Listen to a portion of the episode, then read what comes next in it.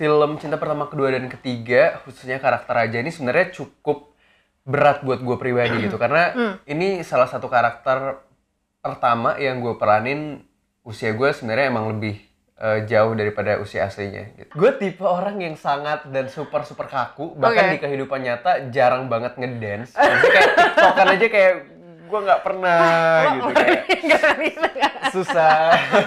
Perbedaan apa yang lo rasakan pada saat harus misal kalau misalnya mau ngebandingin Hmm. gitu ya pada saat lo dulu acting sama eh, Zara dan sekarang acting sama Putri Marino perbedaan apa yang lo rasakan dalam segi actingnya sendiri Oke. gitu mungkin Hai Hard Rockers, kembali lagi di Story Behind the Movie di mana kita biasanya mengundang director, producer, dan juga cast dari film yang bisa kita nikmati dan tentunya kita akan membahas mendalam soal film tersebut. Kali ini barengan sama gue Dewi Hanafi, kedatangan salah satu pemain film dari Cinta Pertama, Kedua, dan Ketiga, hasil kolaborasi dari Star Vision dan juga Wahana Kreator, Angga Yunanda.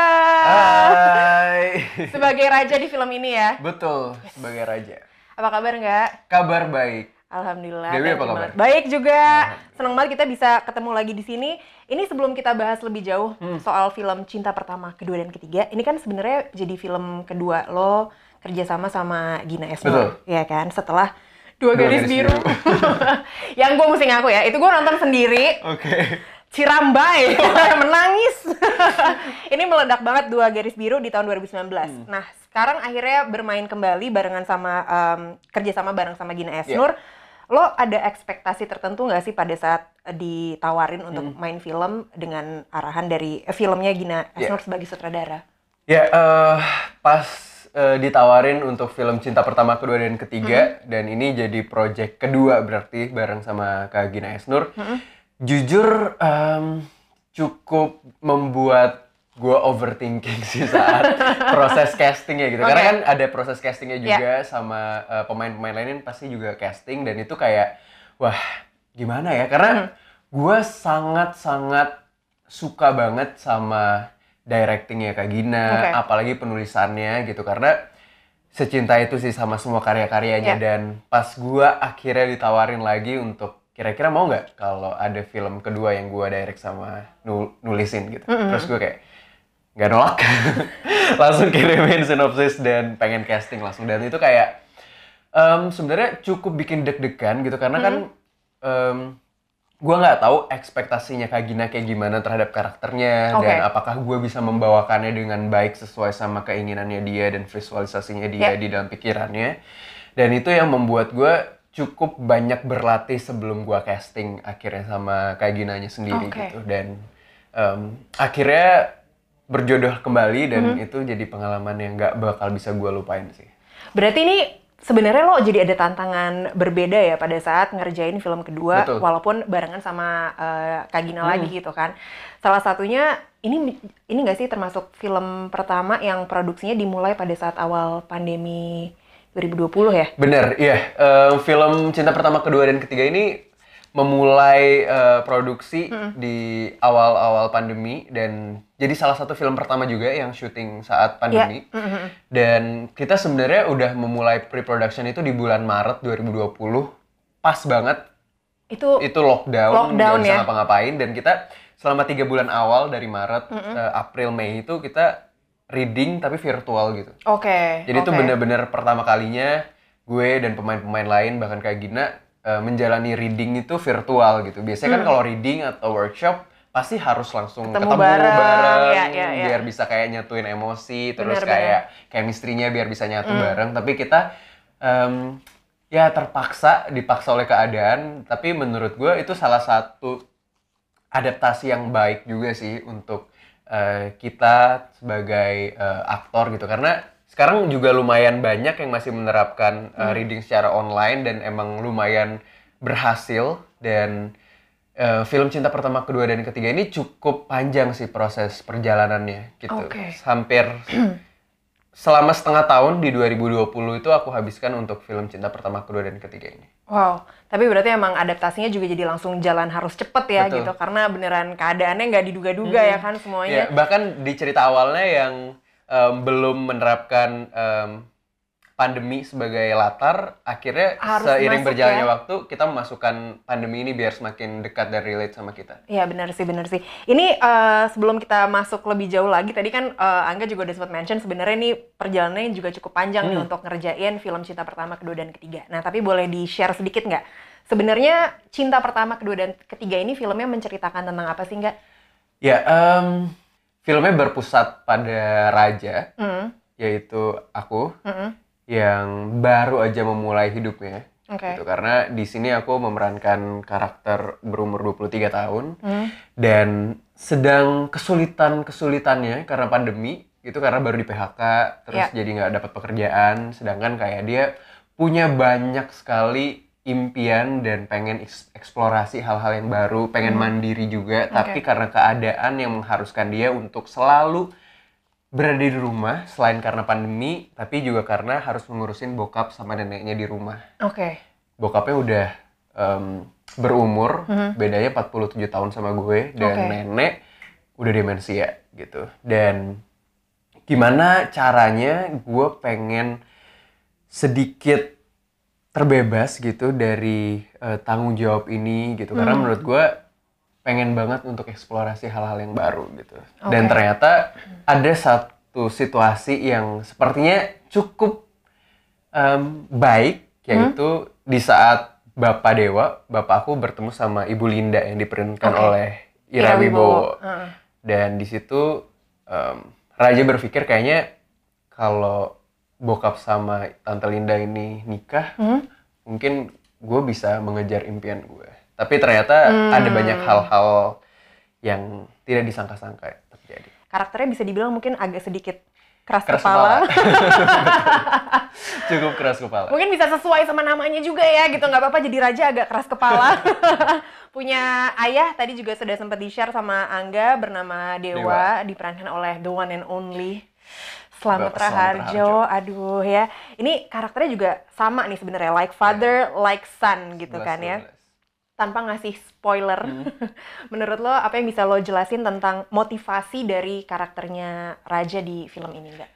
menurut gua Raja ini bukan cuma karakter yang deket sama gue, tapi kebanyakan anak-anak muda di Indonesia gitu. Oke. Dan gua ngerasa si Raja ini sangat-sangat bisa merepresentasikan anak-anak muda zaman sekarang, gimana strugglingnya dalam hidup, mungkin kayak em, usia 20-an awal ini adalah di saat-saat yang cukup sulit sebenarnya karena kita dibebankan tanggung jawab yang ternyata sangat-sangat banyak yang nggak pernah mungkin kita pikirkan saat kita masih sekolah, masih SMA, bahkan kuliah kayaknya nggak nggak seberat itu gitu Iya, iya. setelah menjalani proses kehidupan yang nyata ini gitu. Dan ya em, menurut gue motivasinya Raja ini sangat masuk akal sebenarnya sebagai Oke. anak muda karena di mana kita emang lagi pengen eksplorasi diri, pengen mengejar hal-hal yang mungkin pengen kita kejar dan terkadang itu yang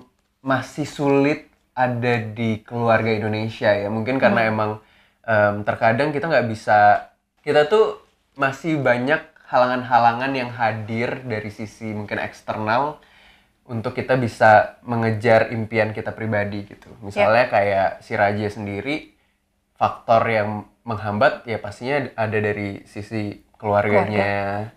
Dan itu mungkin banyak juga terjadi di em, teman-teman di luar sana gitu.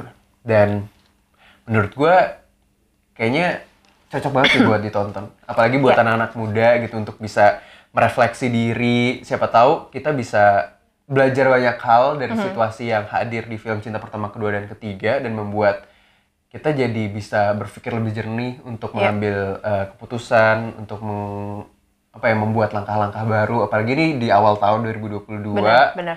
dan perjalanannya kan masih sangat panjang. Siapa tahu kita bisa mulai merangkai hal-hal Mhm. yang ingin kita lakukan dari awal tahun ini. Oke, ini tadi juga yang pengen gue eh, tanyain sama Longga gitu ngomongin soal karakter Raja sendiri eh, secara usia kan nggak jauh beda sama lo aslinya nih gitu kan ya. Makanya tadi mungkin lo juga bisa bilang eh, secara karakter jadinya memang lebih bisa relate Iya. gitu ya. Tapi hal-hal apa lagi sih yang lo lakukan gitu untuk beneran bisa mendalami si karakter Raja ini? Apakah secara perjuangannya gitu atau strugglingnya lo juga menghadapi itu gitu di Iya. kehidupan nyata.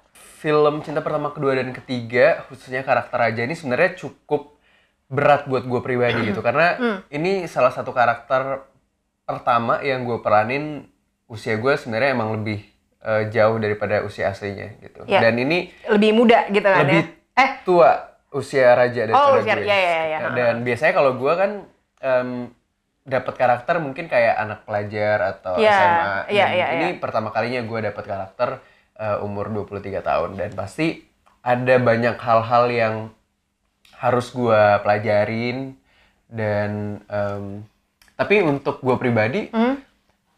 hal yang deket banget sama Raja mungkin kesamaan dari em, jarak usia gue sama bokap gue yang asli Oke. sih karena bokap nyokap gue termasuk em, lumayan berumur dan emang gap umurnya cukup Hmm. Cukup jauh, jauh. dan itu yang mungkin salah satu hal yang paling deket pertama kali gue rasain dari karakter Raja dan Hmm. Angga itu sendiri gitu dan em, kalau untuk karakter secara general sebenarnya cukup jauh sih Raja sama Angga jadi Oke. makanya itu hal yang cukup sulit untuk gua apa ya gua dalemin gitu karena Mm-hmm.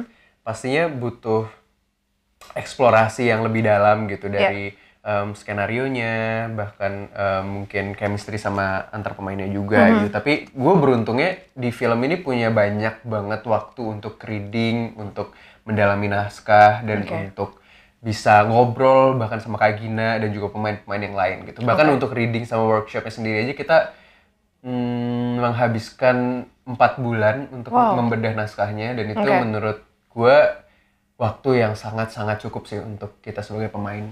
Nice, nice. Nah ini pasti akan kelihatan banget hasilnya pada saat Hard Rockers udah beneran nonton nih film Betul. cinta pertama, kedua, dan ketiga. Sekaligus bisa ngelihat seorang Angga berdansa. Itu pengalaman pertama Itu. gue ngedance Wah, gue penasaran banget sih.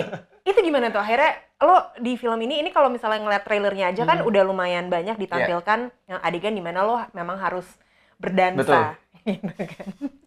Ya. Gimana belajarnya enggak? Wah, belajarnya Dansanya ballroom dance lagi kan? Iya sih? bener Iya kan? waltz terus kayak ada em, And it's hard, right? banget. Gimana lo ininya gimana? gue tipe orang yang sangat dan super super kaku bahkan Oke. di kehidupan nyata jarang banget ngedance jadi kayak tiktokan aja kayak gue nggak pernah gitu kayak bisa, nggak. susah kaku banget tapi Sekarang kayak harus ballroom dance. Ah, dan itu salah satu Hmm. hal yang sangat-sangat menantang sih karena kayaknya gue satu-satunya pemain yang nggak punya basic dance sama sekali kayak Oke. Putri, Om Slamet Raharjo, eh, Tante, Tante Ira, Ira, uh-uh. Putri bahkan em, Ibu Eli Lutan yang memerankan nenek Of course itu dia emang penari legend juga banget kan. dan semua Ha-ha. orang kayak aduh aduh Udah dikasih koreografi, bisa aku sedetik ikuti. udah jago Nah, lo gimana nih belajarnya? Iya, gue kebetulan tiga bulan pertama eh, reading virtual itu Uh-uh. kebetulan di Lombok dan emang Oh, oke. prosesnya jadi workshop sama reading itu berbarengan gitu kan. Hmm. Tapi kalau eh, workshop dance-nya itu eh, Mas Dudi namanya, Hmm, eh, coach eh, dance kita, itu selalu setiap hari ngirimin kayak em, dance yang harus kita lakukan dan Oke. kita kayak eh, harus eh, ngirimin balik gitu. Jadi selama yang udah lo contohin, yang, yang, udah lo ikutin gitu ya? ikutin Oke. setiap hari dan itu bener-bener selama tiga bulan itu full banget gitu jadi Oke. kayak bener-bener kelihatan progres gue dari ya minus 10 jadi kayak ya selama tiga bulan lah lumayan lah eh, KKM lah Iya, iya, lah ya. iya, dan iya, itu bener, bener, bener, bener. gue rasain banget sih gue ngerasa kayak wah ini pelajaran yang sangat berharga sih karena gue gue pribadi aja udah lupa gitu sama eh, hal yang gue pelajarin dari nol itu kapan gitu Oke. dan gue ngerasain banget ini dance-nya ternyata apa ya hal yang setelah kita mulai Mhm. belajar setelah kita mulai berlatih itu gue jadi ngerasain gue jadi lebih bisa bebas gue lebih bisa relax sama tubuh gue dan Oke. gue ngerasa kayak ya dance itu bukan eh, keahlian yang bisa dipelajarin sehari dua hari sih emang butuh Benar, proses yang luar biasa kerja keras Ya. latihan yang banyak dedikasi yang tinggi Beneran dan itu yang latihan fisik ya?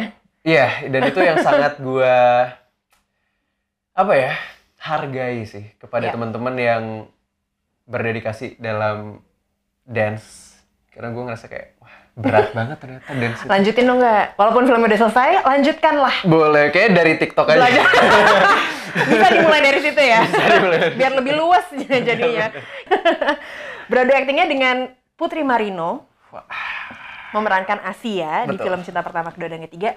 Eh, perbedaan apa yang lo rasakan pada saat harus misal kalau misalnya mau ngebandingin Hmm. gitu ya pada saat lo dulu acting sama eh, Zara dan sekarang acting sama Putri Marino perbedaan apa yang lo rasakan dalam segi actingnya sendiri Oke. gitu mungkin Kalau dari segi aktingnya sendiri pasti pendewasaannya sih. oke Dan itu sangat-sangat jelas terlihat dari awal kita bareng-bareng dimulai dari reading sampai selesai Hmm. proses syuting dan gue bener-bener ngerasain pendewasaannya itu bukan cuma dari karakternya doang, tapi Hmm. gue jadi lebih dewasa secara pribadi juga. oke Dan itu yang sangat gue syukurin gitu karena emang kebetulan di film Cinta Pertama, Kedua dan Ketiga gue ceritanya anak bungsu dan Oke. diproduksinya juga emang anak bungsu. Jadi kayak semuanya kan lebih tua dari gue, Ya. semuanya punya pengalaman yang lebih banyak dari gue dan itu gue bener-bener punya banyak banget hal-hal yang diberikan sama mereka semua gitu. Hal-hal Oke. baru yang nggak pernah gue em, apa ya, nggak pernah gue pelajarin sebelumnya dan bisa gue temuin di sini gitu. Oke, jadi pembelajarannya jadi lebih banyak lagi juga Iya. ya. Ini gue yakin juga jadi satu hal yang menantang. Somehow karakter yang lo perankan gitu ya di dua filmnya Gina Esnur ini eh, agak pelik ya Lumayan. hubungannya gitu ya. Bener-bener. agak pelik dan kompleks banget gitu kan. Kayaknya emang juga harus eh, lo menggali emosinya tuh menurut gue juga luar biasa sekali. Nah, tapi satu hal yang mungkin juga jadi tantangan tersendiri untuk film ini kan juga beradegan mesra dengan Putri Marino. Oke. Gimana minta izinnya sama Mas Chico Jericho? Ngomong apa enggak? Ah, Dengar-dengar iya, waktu itu iya, minta iya. izin dulu nih.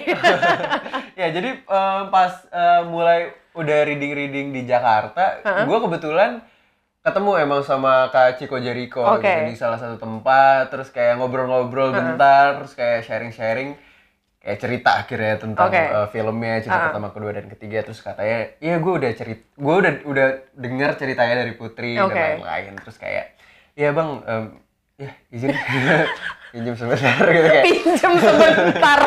gak apa-apa santai. Iya ya. ya eh, bercanda-bercandaan gitu doang sebenarnya.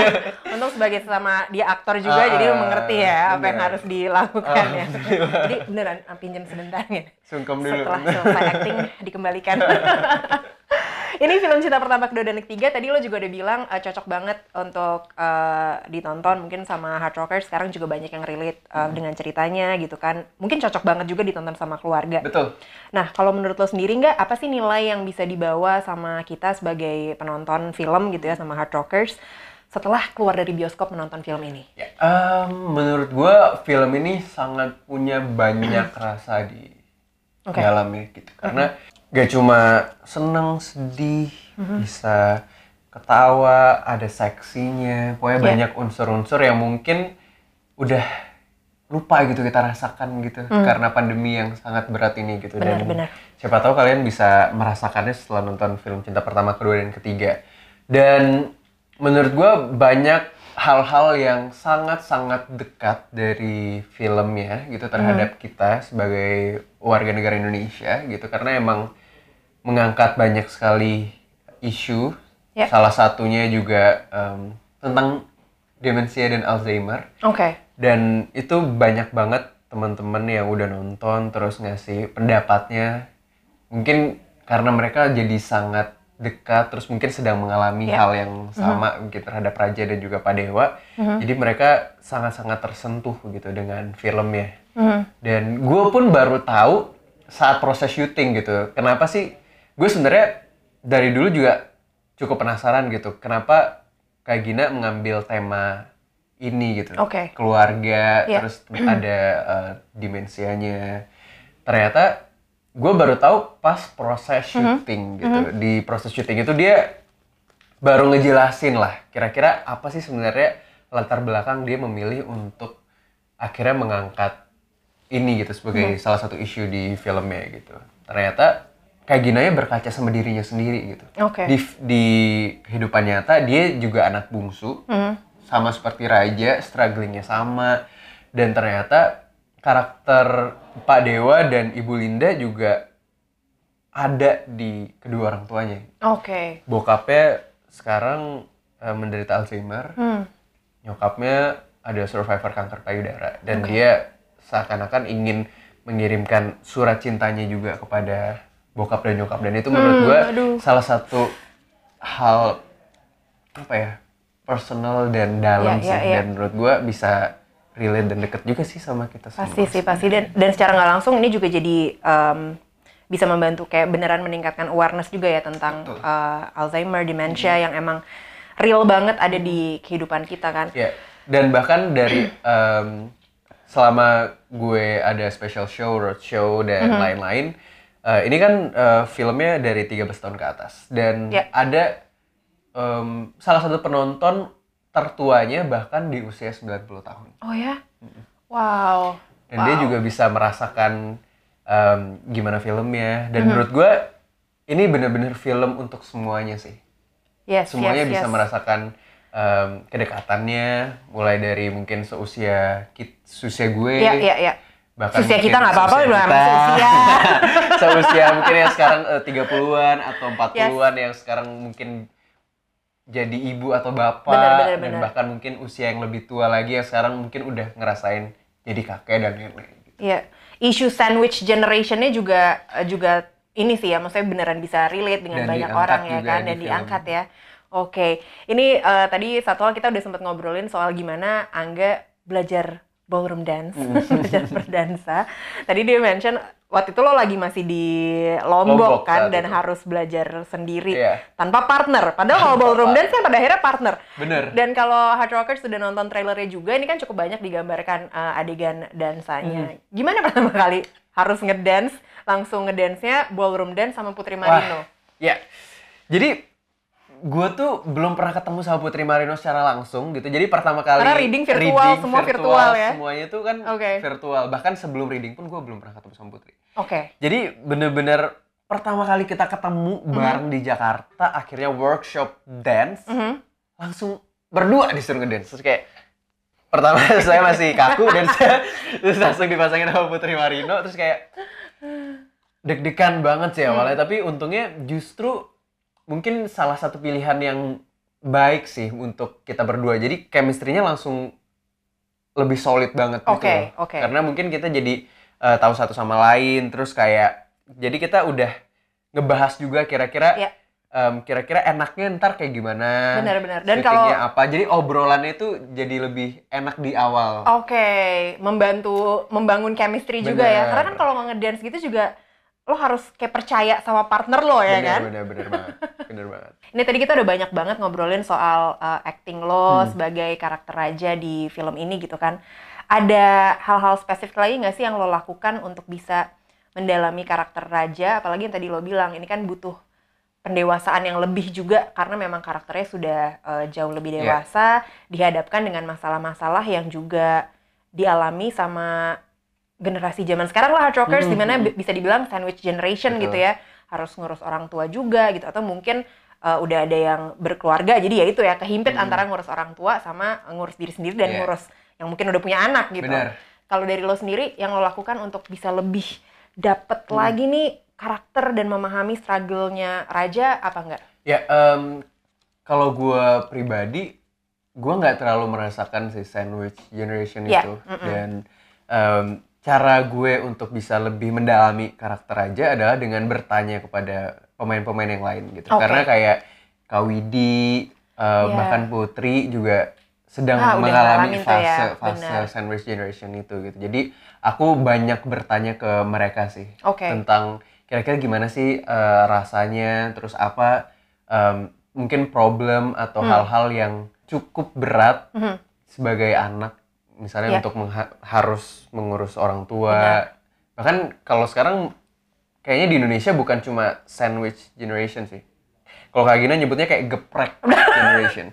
Udah beneran. Udah digeprek, Digeprek ge- banget, bener, gitu. bener Karena sih, kayak bener sih. terkadang kita bukan cuma hanya mengurus em, orang, Orang tua, tua. kita, bahkan kita harus ngurus kayak keluarga Ada- yang lain, bener-bener, sepupu, bener-bener. ponakan, Keluarga besar jatuhnya keluarga ya, besar gitu. Karena kebetulan kakek, bener. iya emang Indonesia kan kebudayaannya kayak guyup Betul, gitu betul, betul, dan betul. emang dari dulu ya apa pun masalahnya pasti kita bareng-bareng, kita Mhm. semuanya em, kayak ya semuanya ditanggung bersama gitu. Ditanggung bersama bener Dan sih. mungkin karena emang efek ya mungkin budaya barat atau apa yang Hmm. lebih individualis yang membuat jadi banyaklah bentrokan yang hadir gitu. Betul. Makanya anak-anak muda zaman sekarang pasti cukup bingung kira-kira apa yang harus dilakukan, keputusan apa yang harus diambil dalam hidupnya Hmm, terhadap hal ini gitu. Karena ya banyak dari kita yang tetap harus em, bisa ya mengurus dan menjaga orang tua Iya. kita atau bahkan keluarga kita yang lain gitu. Dan menurut gua